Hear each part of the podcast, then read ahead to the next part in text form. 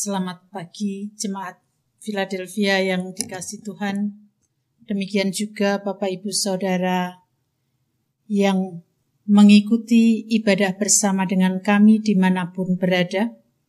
Mari kita menyatukan hati kita, memasuki ibadah kita pada pagi hari ini dengan satu pengakuan bahwa penolong kita adalah dalam nama Tuhan yang menjadikan langit dan bumi.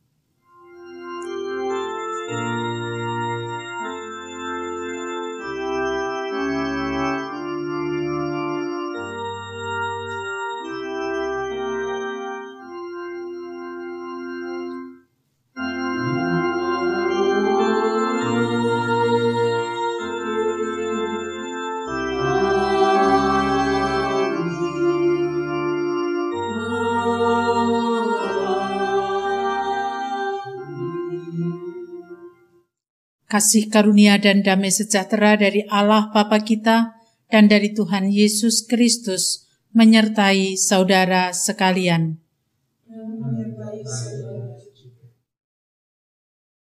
Nats pembimbing dalam ibadah pada saat ini terambil dari Roma 15 ayat 7. Sebab itu terimalah satu akan yang lain, sama seperti Kristus juga telah menerima kita untuk kemuliaan Allah. Kita sambut dengan pujian melalui Kidung Jemaat 14 bait 1 dan 2 muliakan Tuhan Allah.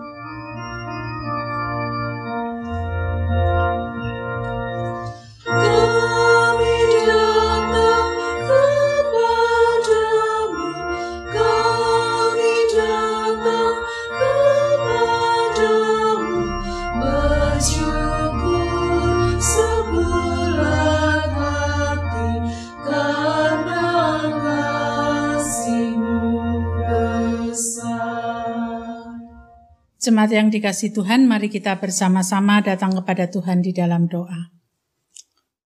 Tuhan Allah Surgawi, pagi hari ini kami bersehati di rumah kami masing-masing, datang kepada Engkau mengakui segala dosa dan kesalahan kami, melalui tutur kata kami, tindakan kami, dan bahkan angan kami, yang kami lakukan tidak berkenan di hadapan-Mu. Apa pun itu bentuknya, kiranya Tuhan mengampuni dosa kami. Inilah doa kami, dalam nama Tuhan Yesus kami berdoa. Amin. Pernyataan pengakuan dosa kita hendak kita nyatakan juga melalui PKJ 37 bait 1 dan 2 bila ku renung dosaku.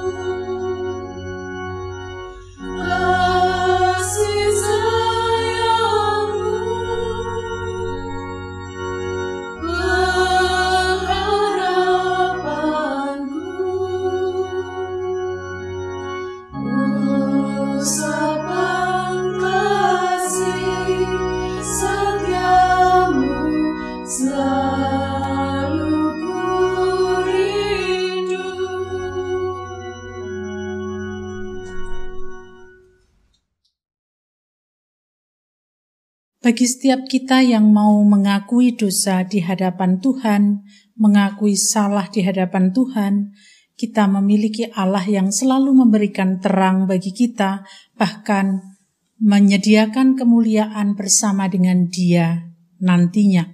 Efesus pasal pertama ayat 18 merupakan berita anugerah yang diberikan Tuhan kepada kita.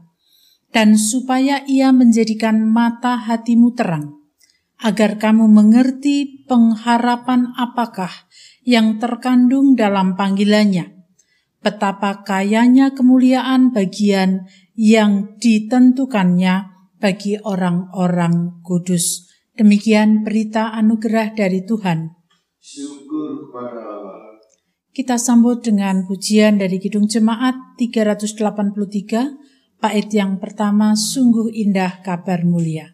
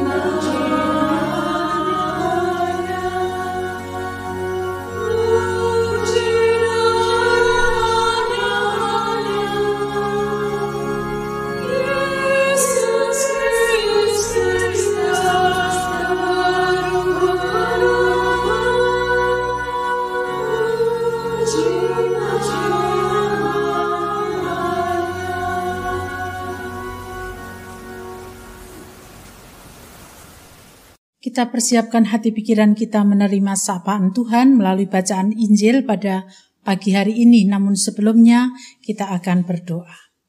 Ya Tuhan Allah Surgawi, kami bersyukur Tuhan selalu memelihara iman kami, terlebih pada pagi hari ini Tuhan berkenan untuk menyapa kami melalui bacaan yang hendak kami baca, kami renungkan, dan bahkan kami laksanakan dalam kehidupan keseharian kami. Kami serahkan waktu ini ke dalam tangan kuasa Tuhan, kuasa Roh Kudus yang akan menaungi setiap kami, supaya apa yang kami dengarkan, apa yang kami renungkan benar-benar kami wujud nyatakan dalam kehidupan keseharian kami. Dalam nama Tuhan Yesus kami berdoa. Amin. Bacaan kita pada pagi hari ini terambil dari Markus pasal 9 ayat 1 maaf ayat 2 sampai dengan 9. Markus pasal 9 ayat 2 sampai dengan 9. Yesus dimuliakan di atas gunung. Enam hari kemudian, Yesus membawa Petrus, Yakobus, dan Yohanes, dan bersama-sama dengan mereka, ia naik ke sebuah gunung yang tinggi di situ mereka sendirian saja. Lalu Yesus berubah rupa di depan mata mereka, dan pakaiannya sangat putih berkilat-kilat. Tidak ada seorang pun di dunia ini yang dapat mengelantang pakaian seperti itu. Maka nampaklah kepada mereka Elia bersama dengan Musa. Keduanya sedang berbicara dengan Yesus. Kata Petrus kepada Yesus, Rabi, betapa bahagianya kami berada di tempat ini. Baiklah, kami dirikan tiga kemah, satu untuk engkau, satu untuk Musa, dan satu untuk Elia. Ia berkata demikian sebab tidak tahu apa yang harus dikatakannya karena mereka sangat ketakutan. Maka datanglah awan menaungi mereka dan dari dalam awan itu terdengar suara Inilah anak yang kukasihi, dengarkanlah dia. Dan sekonyong-konyong waktu mereka memandang sekeliling mereka, mereka tidak melihat seorang pun lagi bersama mereka, kecuali Yesus seorang diri. Pada waktu mereka turun dari gunung itu, Yesus berpesan kepada mereka supaya mereka jangan menceritakan kepada seorang pun apa yang telah mereka lihat itu sebelum Anak Manusia bangkit dari antara orang mati. Demikianlah pembacaan Injil kita pada pagi hari ini. Berbahagialah kita yang mendengarkan, merenungkan, bahkan melaksanakan dalam kehidupan sehari-hari. Haleluya!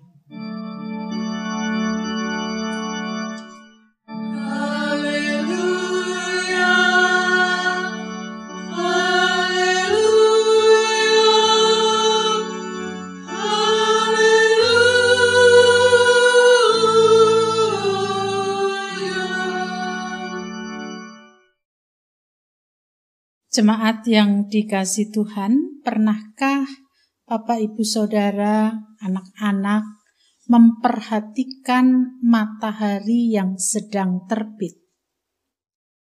Jika kita pernah memperhatikan dengan seksama, ada sebuah pancaran indah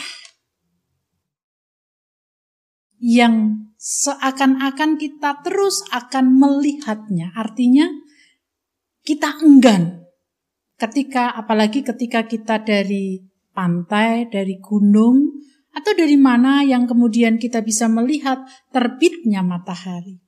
Kita enggan untuk segera meninggalkan tempat itu, ingin terus melihat pancaran yang indah itu. Walaupun kalau terus kita melihat sorotan itu, pancaran itu lama-lama bisa menjadi silau. Bapak Ibu Saudara yang dikasih Tuhan, mengapa banyak orang ingin selalu melihat sesuatu atau matahari yang terbit itu? Karena memang ada sebuah keindahan melalui pancaran terbitnya matahari. Bahkan orang rela membuang waktu, dana, tenaga untuk pergi ke pantai, untuk pergi ke gunung, hanya untuk melihat orang mengatakan sunrise. Bapak Ibu Saudara yang dikasih Tuhan, bacaan ini merupakan sebuah peristiwa transfigurasi. Apa itu transfigurasi? Perubahan yang terjadi pada diri Yesus, perubahan rupa Yesus. Kapan itu terjadi? Ketika Yesus mengajak ketiga muridnya, tadi dikatakan Petrus, Yakobus, dan Yohanes. Ia mengajak para murid pergi ke sebuah gunung. Yesus hendak mengajarkan melalui peristiwa transfigurasi itu kepada para murid. Nah, mengapa Yesus harus mengajak mereka ke gunung? Karena dalam Perjanjian Lama, Allah sering, sering memakai gunung itu untuk menyingkapkan rahasia kehendaknya. Contohnya, ketika Musa menerima sepuluh perintah Tuhan, ia menerimanya di Gunung Sinai. Demikian juga Elia menerima perintah dari Tuhan, ia sedang berada di Gunung Horeb. Gunung menjadi sebuah tempat relatif sepi, sehingga sering dipakai untuk menyatakan rahasia Allah. Dan itulah sebabnya ketika itu Yesus mengajak Petrus, Yakobus, dan Yohanes untuk menyatakan ada sebuah rahasia Allah yang hendak dinyatakan kepada para murid. Pada saat itulah rahasia Allah dinyatakan melalui perubahan rupa Yesus atau uh, tadi sudah saya katakan transfigurasi. Nah, ketika terjadi perubahan rupa atau peristiwa transfigurasi, tiba-tiba datanglah Musa dan Elia bersama-sama dengan Yesus yang mengalami perubahan rupa pada waktu itu.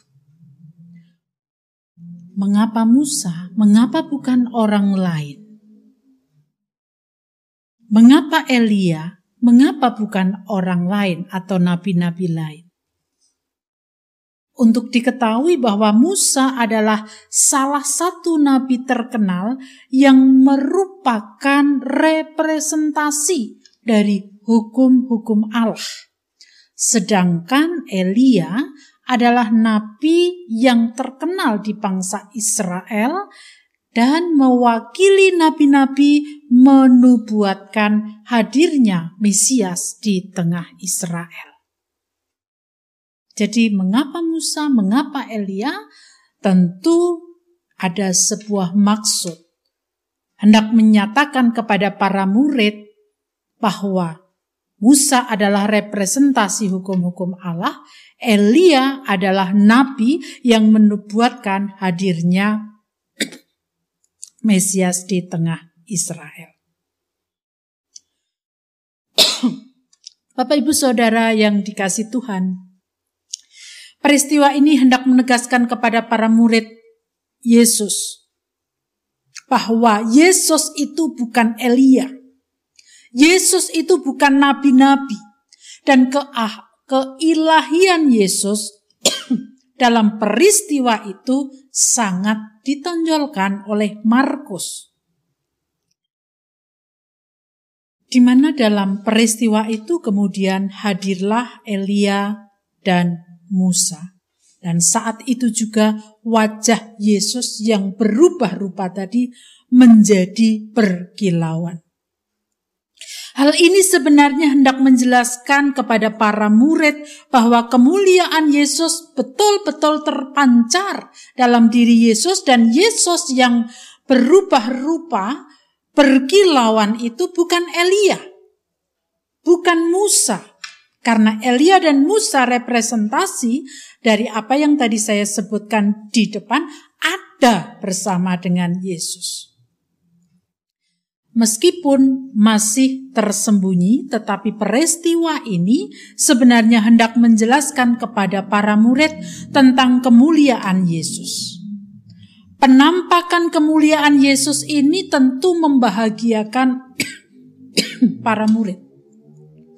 Sebagaimana tadi ketika orang melihat indahnya pancaran matahari. Demikian juga para murid melihat adanya sebuah kilauan dari dalam diri Yesus dan itu menjadi sebuah hal yang membahagiakan para murid karena belum pernah melihatnya. Itulah sebabnya Petrus segera berbicara, biarkanlah saya membuat kemah, satu untuk engkau, satu untuk Elia, satu untuk Musa. Tujuannya apa? Tujuannya supaya para murid tadi tetap bisa merasakan kebahagiaan yang pada waktu itu dilihatnya melalui uh, kemuliaan Yesus yang terpancar tadi. Yesus tahu sesungguhnya ketika muridnya belum mengerti, belum mampu untuk memahami apa yang sedang terjadi dalam diri Yesus itu. Itulah sebabnya di akhir bacaan tadi dikatakan supaya mereka tidak menyampaikan atau tidak menceritakan apa-apa kepada orang lain sebelum anak manusia bangkit dari antara orang mati. Bapak Ibu Saudara yang dikasih Tuhan, kemuliaan Yesus terpancar kepada tiga murid yang hadir dalam peristiwa perubahan rupa atau transfigurasi. Pancaran kemuliaan Yesus membuat para murid mengalami kebahagiaan. Artinya apa? Artinya kalau kemuliaan Yesus itu selalu terpancar, maka orang yang melihatnya pasti akan merasakan kebahagiaan. Ada sebuah keindahan sehingga tidak ingin segera pergi dari apa yang dilihatnya. Tema bacaan kita pada saat ini adalah memancarkan cahaya kemuliaan Tuhan. Melalui bacaan ini sebenarnya kita dipanggil. Pancaran kemuliaan Yesus yang pada waktu itu sudah dinyatakan kepada para murid itu seharusnya menghidupi kita sebagai anak-anaknya. Artinya apa? Artinya kalau pada waktu itu memang Yesus mengatakan jangan diceritakan kepada siapa-siapa. Sebelum anak manusia bangkit. Sekarang anak manusia sudah bangkit. Artinya kita harus menceritakan kita harus memancarkan cahaya kemuliaan Kristus itu melalui langkah hidup kita. Pertanyaannya adalah, apa yang bisa kita lakukan? Sederhana sebenarnya. Lakukan sesuatu yang membuat orang lain bahagia, bukan sebaliknya. Jangan sampai kita senang kalau orang lain susah. Susah kalau orang lain senang. Jangan seperti itu. Tetapi lakukan segala sesuatu apa pun itu, entah itu melalui kata-kata kita, melalui tindakan kita, melalui apa saja yang membuat orang lain bahagia, orang lain senang. Karena sebenarnya dari situlah pancaran kemuliaan Kristus itu nyata. Jadi jangan kita melakukan sesuatu yang membuat orang lain jengkel. Lakukan sesuatu membuat yang membuat orang lain senang. Misalnya memuji. Apa sih salahnya memuji? Seringkali ketika kita melihat ada orang lain itu berhasil, iri hati yang ada dalam diri kita. Kenapa kita tidak mengatakan, "Oh, luar biasa. Walaupun hanya kata luar biasa. Tetapi ketika itu kita nyatakan dari dalam hati kita, itu sebenarnya merupakan pancaran kemuliaan Kristus. Kita tidak rugi kan ketika kita mengatakan apa yang dilakukan oleh orang lain itu baik kan tidak rugi. Bahkan itu menyenangkan orang lain.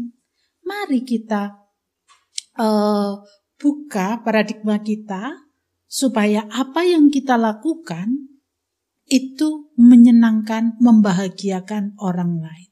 Ya melalui hal-hal yang sederhana seperti tadi saya katakan, memuji, menghargai apa yang dilakukan orang lain, bukan malah menjelek-jelekkan dan lain sebagainya. Ada satu kalimat yang pernah Yesus katakan. Apa yang ingin orang orang lain lakukan kepadamu, lakukanlah itu kepada mereka. Jadi kalau kita ini ingin orang lain menghargai kita, hargai mereka. Kalau kita ingin orang lain senyum pada kita, senyum kepada mereka. Sederhana kan? Dan itu menjadi sebuah pancaran kemuliaan Kristus. Nah, kalau yang sederhana saja belum bisa kita lakukan, bagaimana kita akan melakukan sesuatu yang lebih besar lagi? Oleh karena itu, mari Bapak Ibu Saudara, kita pancarkan kemuliaan Kristus melalui hal-hal yang sederhana yang bisa kita lakukan dalam kehidupan kita. Selamat memancarkan cahaya kemuliaan Tuhan. Dan kiranya kasih Kristus itu senantiasa mewujud dalam kehidupan kita bersama dengan orang-orang di sekitar kita. Amin. Saat teduh bagi kita.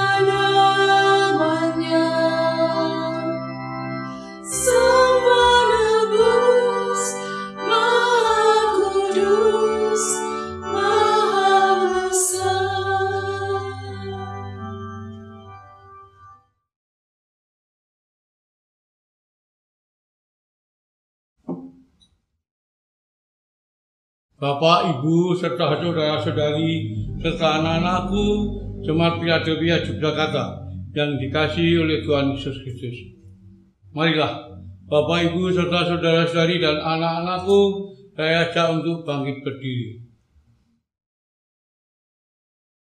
Sambil meletakkan tangan kanan di dada sebelah kiri, marilah kita perbaharui iman kita melalui pengakuan iman rasuli. Aku percaya pada Allah Bapa yang Maha Kuasa, Kalik langit dan bumi, dan pada Yesus Kristus Anak yang tunggal Tuhan kita, yang dikandung daripada Roh Kudus, lahir dari anak darah Maria, yang menderita di bawah pemerintahan Pontius Pilatus, disalibkan, mati dan dikuburkan, turun dalam kerajaan maut. Pada hari yang ketiga, bangkit pula dari antara orang mati, naik ke surga, duduk di sebelah kanan Allah, Bapa yang Maha Kuasa, dan akan datang dari sana untuk menghakimi orang yang hidup dan yang mati. Aku percaya pada Kudus, gereja yang kudus dan persekutuan orang kudus, pengampunan dosa, kebangkitan daging, dan hidup yang kekal. Bapak, Ibu, Saudara-saudari, saudara aku dipersilakan untuk duduk kembali.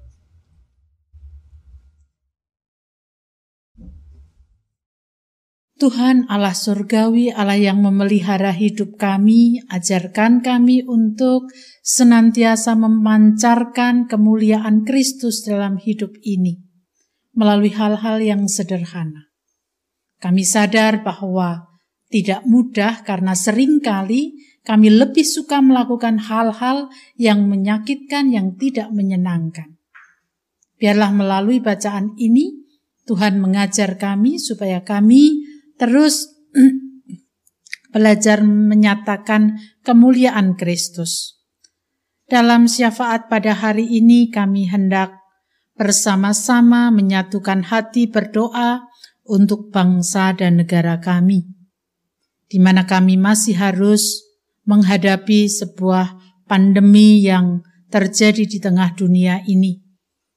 Ya Tuhan, kami berdoa bagi setiap orang yang ada di muka bumi ini, ajarkan bijak menyikapi segala sesuatu yang terjadi atas hidup dan kehidupan dalam pandemi ini, supaya tidak mudah putus asa, tetapi senantiasa berpengharapan kepada Tuhan.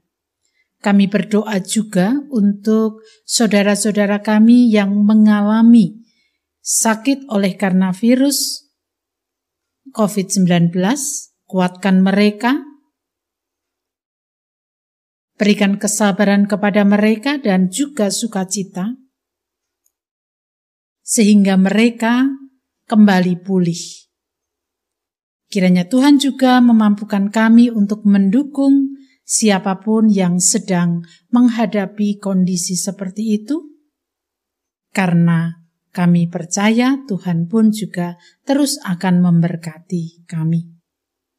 Pemimpin bangsa dan negara kami dalam upaya untuk menghadapi pandemi ini, kiranya Tuhan menguatkan, memberikan kemampuan dan juga hal-hal yang dibutuhkannya.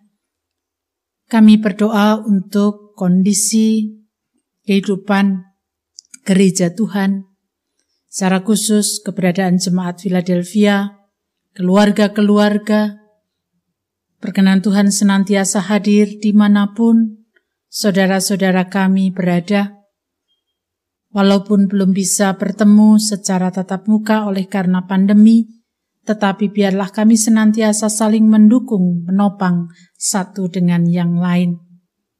Kebahagiaan kami, jikalau dalam kebersamaan kami meski tidak bisa bertemu, senantiasa Tuhan berkati. Kami berdoa untuk pergumulan dari saudara-saudara kami yang sedang dalam proses pemulihan kesehatan. Kami yakin dan percaya Tuhan tidak akan pernah untuk meninggalkan setiap orang yang selalu berserah diri kepada Tuhan. Oleh karena itu, segala kekhawatiran yang ada pada diri kami, pada diri jemaat Philadelphia, Tuhan angkat dan gantikan dengan sebuah pengharapan di dalam Tuhan karena pengharapan di dalam Tuhan tidak sia-sia. Kami menyerahkan Bapak Mariman, Bapak Nugroho Yulianto dan Ibu, Ibu Painah Teguh, Bapak Suratijo, Bapak Widiat Mojo, Ibu Wartini, Pendeta Indriat Moko, Ibu Irma Sarikaban, Ibu Arista Kurniawati, dan juga saudara-saudara kami lain yang membutuhkan kesehatan. Kiranya Tuhan menganugerahkan itu kepada mereka, supaya mereka mendapatkan kekuatan bahkan kesehatan yang dari Tuhan. Kami juga berdoa untuk keluarga yang harus mendampingi, berkat Tuhan senantiasa tercurah atas setiap keluarga di mana saudara-saudara kami harus mendampingi bagian keluarga yang sedang sakit dan membutuhkan pemulihan kesehatan. Kami percaya mujizat Tuhan tetap ada di sepanjang hidup yang kami lewati. Di tengah pergumulan ini kami juga bersuka cita oleh karena keluarga Bapak Nugroho Asmantio dan Bu Anom telah engkau anugerahkan tambahan satu cucu.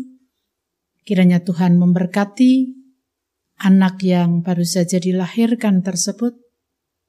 Kiranya Tuhan menolong Adit dan istrinya untuk senantiasa mendidik anak ini dalam takut akan Tuhan.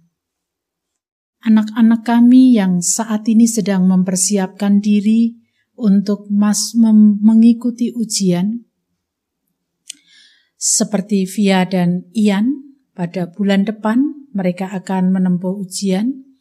Tuhan memberkati mereka dan mempersiapkan mereka supaya mereka bisa melewati segala sesuatunya bersama dengan Tuhan. Anak-anak kami lain yang terus berjuang dalam studi mereka, berkat Tuhan senantiasa tercurah atas mereka, supaya mereka pun juga bisa melewati hari-hari dengan sukacita.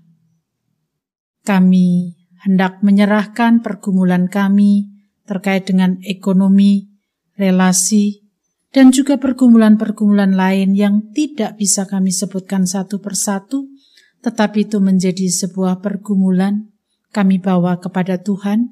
Kami percaya Tuhan tidak akan membiarkan kami, tetapi akan menolong dan memberkati kami. Inilah doa syafaat kami kepadamu ya Tuhan. Kesempurnaan atas doa ini kami serahkan hanya di dalam nama Tuhan kami Yesus Kristus yang telah mengajarkan kepada kami doa Bapa kami.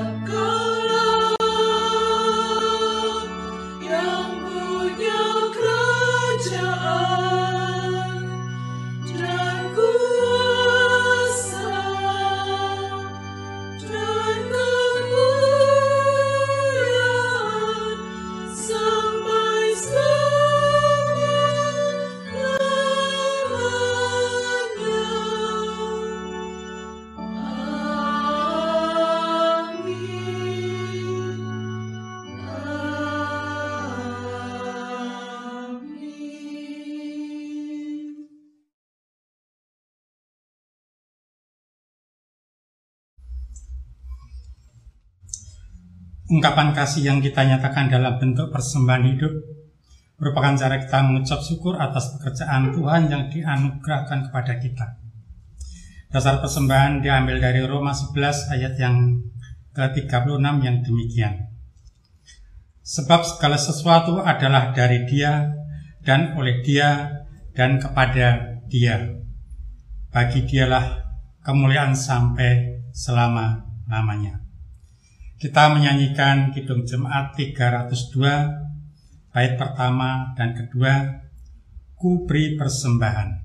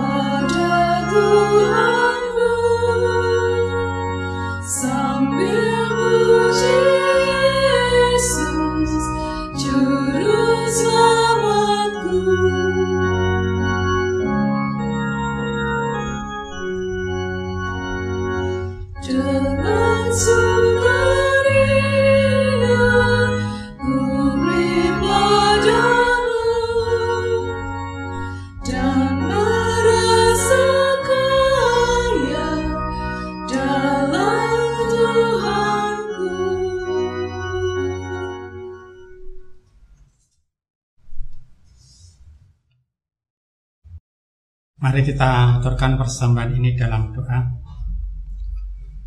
Tuhan Allah Bapa Surgawi yang kami puji dan kami sembah di dalam nama, di dalam nama Tuhan Yesus. Kembali kami datang ke hadiratmu dan kami bersyukur atas berkat dan penyertaan Tuhan dalam kehidupan kami semua. Sehingga kami masih Tuhan perkenankan untuk beraktivitas memuji dan memuliakan nama Tuhan pada hari ini. Terlebih-lebih Tuhan juga masih memberi kesempatan kepada kami untuk mengaturkan persembahan sebagai ungkapan syukur kami atas pemeliharaan Tuhan kepada kami semua. Dan sebagai ungkapan syukur kami atas berkat-berkat yang tercurah pada kami semua, jemaat Tuhan di sini. Kami aturkan persembahan ini dengan penuh rasa syukur dan sukacita kami dan kiranya persembahan ini Tuhan berkati. Dengan demikian persembahan ini bisa menjadikan sarana di dalam kami memuji dan memuliakan nama Tuhan. Apabila ada kekurangan dan kesalahan dan dosa-dosa kami di dalam kami mengaturkan persembahan ini, kiranya Tuhan mengampuninya. Di dalam nama Tuhan Yesus Kristus yang menjadi juru selamat dan penebus dosa kami, doa ini kami naikkan. Amin. Apa yang ingin orang orang lain lakukan kepadamu, lakukanlah kepada mereka. Itulah cara kita memancarkan kemuliaan Tuhan dalam hidup ini. Mari kita bersama menyambut dengan menyanyikan Kidung Jemaat 400 bait 1 dan 4 Kudagi Jalan Mulia. Kita pujikan dengan bangkit berdiri.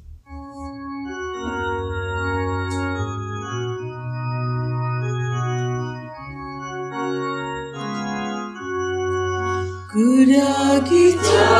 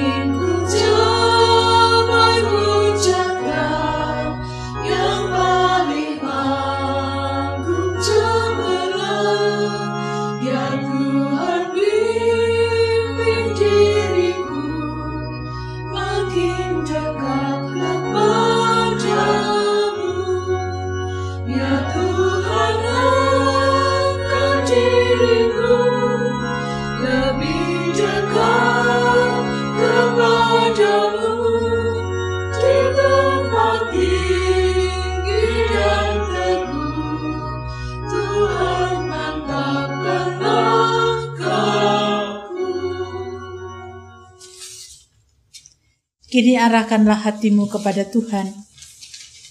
Kita akhiri ibadah di rumah kita masing-masing dengan sukacita. Lanjutkan hidupmu dan teruslah berkarya bagi Tuhan. Terimalah berkatnya. Kasih karunia Tuhan Yesus Kristus dan kasih Allah Bapa serta persekutuan Roh Kudus menyertai saudara sekalian selama-lamanya.